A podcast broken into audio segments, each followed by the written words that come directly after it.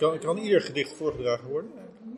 Nee, je hebt, eh, veel mensen hebben het over, je hebt eh, papierdichters of papiergedichten en je hebt eh, gedichten ehm, die, die alleen maar passen in een, in een, in een voordracht.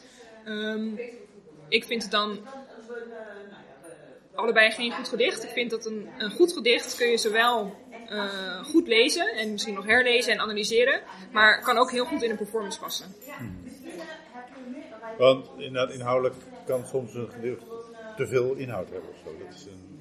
Nou ja, goed, maar dat is dan natuurlijk ook al ehm, wanneer je een gedicht leest. ehm, je wil niet als lezer, wil je niet zeg maar beeld na beeld na beeld na beeld krijgen. Dat- dan snap je er zelf ook niks meer van. Of dat het gewoon te veel thema's, dan, dan raak je het kwijt. Dan ben je zeg maar bij zin 1, dan weet je, en daarna ben je bij zin 6 en dan weet je niet meer welk beeld werd opgeroepen in zin 1.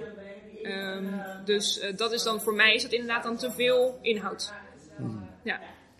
Hey, eh, je geeft dus deze workshop bij Poetry. Ja. Eh, hoe, is het de eerste keer dat je dit doet? Ja. Ja. Zie- Heb je al mensen gezien die we over een paar jaar bij Poetry kunnen zien? Oeh. Ehm. nou, ik vind wel, ik had eigenlijk verwacht dat,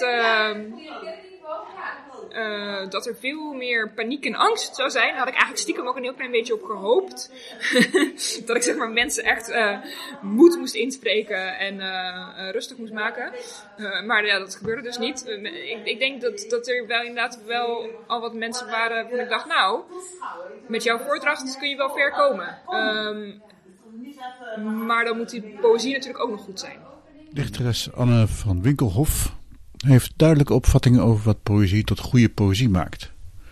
Met haar voltooide studie Nederlands en retorica is ze inmiddels een bekende verschijning in Poëzieland.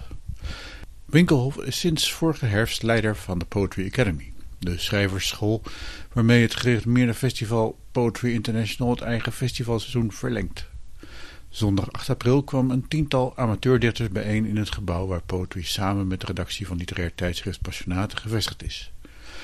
De workshop Poetry Performance die Winkelhof hier gaf, was bedoeld om de basisprincipes van de voordrachtskunst over te brengen. Ik denk dat het vooral belangrijk is, wat ik nu ook in de workshops heb uitgelegd, dat het eh, belangrijk is om eh, bewust te zijn van eh, dat je er bent. Want ehm, ik zie wel veel dichters op het podium verschijnen die dan heel erg snel aangelopen komen en die dan iets voordragen en dan weer weg zijn. Ehm, en dat is jammer, want het is natuurlijk echt het moment van de dichter. Het is echt jouw moment. Ehm, dus je moet ook wel bewust zijn van dat je er staat. En daar mag je echt wel best wel ook de tijd voor nemen. Om even te, eh, ook het contact te maken met het publiek. Maar ook je te aarden, te voelen dat je er bent, dat je er staat. Dat je je gedicht gaat voordragen. Ehm, dus dat je, ja, dat je dat ook gewoon met volle bewustzijn, dat je dat doet. Dus dat oefenen we heel De tien deelnemers, gelukkig niet allemaal boven de 50, blank, hoogopgeleid en vrouw, kregen allemaal de kans om een gedicht voor te dragen. Feedback kregen ze van Winkelhof, maar ook van elkaar. Opvallend is dat er weinig plankenkoorts heerst. De amateurdichters blijken vrij zeker op het podium te staan. Er is wel even discussie over de taal. Een van de deelnemers vraagt zich af of ze niet te Rotterdams klinkt. De anderen vinden van niet. Een Zeeuwse deelnemer die haar gedichten met prachtig Frans accent voordraagt, krijgt ook als hart mee dat dat accent juist je authenticiteit benadrukt. Iets dat overigens in de Nederlandse voordrachts- en theaterwereld steeds meer ingang vindt.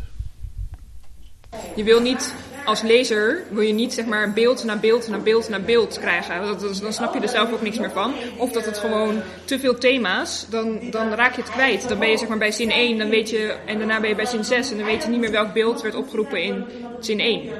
Ehm, dus eh, dat is dan voor mij is dat inderdaad dan te veel inhoud. Ja. Hey, eh, je geeft dus deze workshop bij Poetry. Ja. Eh, hoe, is het de eerste keer dat je dit doet? Ja. Ja.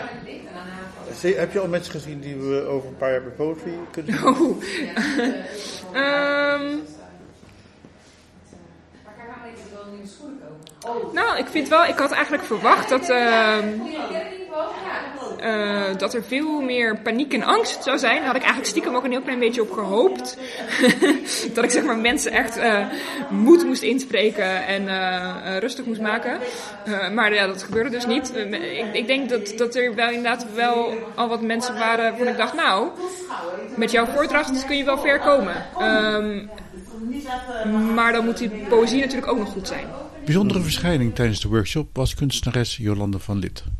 Met haar beeldende werk behoort ze tot de top van Nederland. Het dichten is er later bijgekomen, vertelt ze.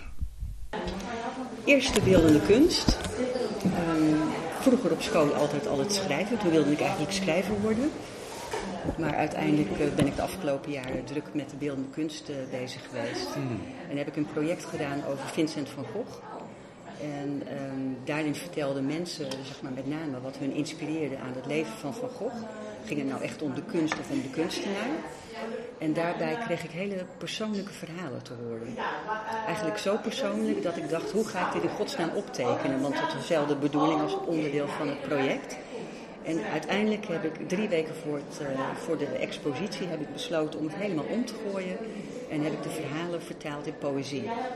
Dus dat was eigenlijk de eerste gedichtenbundel nu weer twee jaar geleden. En daar is zoveel uh, respons op gekomen dat uh, ik het schrijven ook weer heb omarmd. En daar ja, nu heel druk mee doen. Ja.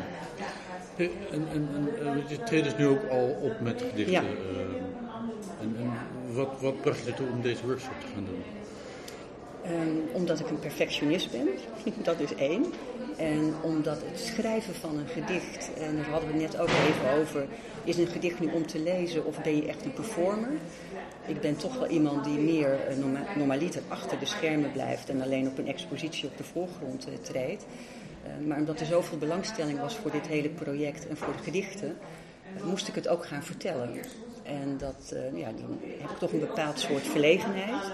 In combinatie met het, het, perfectionisme, dat ik dacht, ik kan er niet genoeg van weten. Ik vind het leuk om andere mensen te ontmoeten en daarvan te leren. En zeker in zo'n uh, workshop. Oké, okay. en wat heb je geleerd? Uh, ik heb geleerd om nog meer de rust te pakken. Ik heb dat al geprobeerd te doen, omdat ik al, aan iedereen altijd feedback vraag. En in het begin was het echt het oplezen van een gedicht. En nu probeer ik er meer in te kruipen. En uh, het was leuk om te horen dat, uh, dat ik in ieder geval de rust heb en dat het verhaal uh, begrepen wordt. Um, maar die rust pakken, dat is wel iets. In een gesprek durf ik het wel, de stilte te laten vallen. Maar als zo'n groep mensen naar je zit te kijken, dan is dat toch. Dat innerlijke zandlopertje is dan wel heel bepalend. Dus dat vond ik heel leuk om, om die tip mee te krijgen. Dus de volgende performances worden beter? Die worden langer. worden langer. Oké, okay, dankjewel. Dankjewel. Poetry International Rotterdam vindt plaats van 29 mei tot en met 3 juni 2018.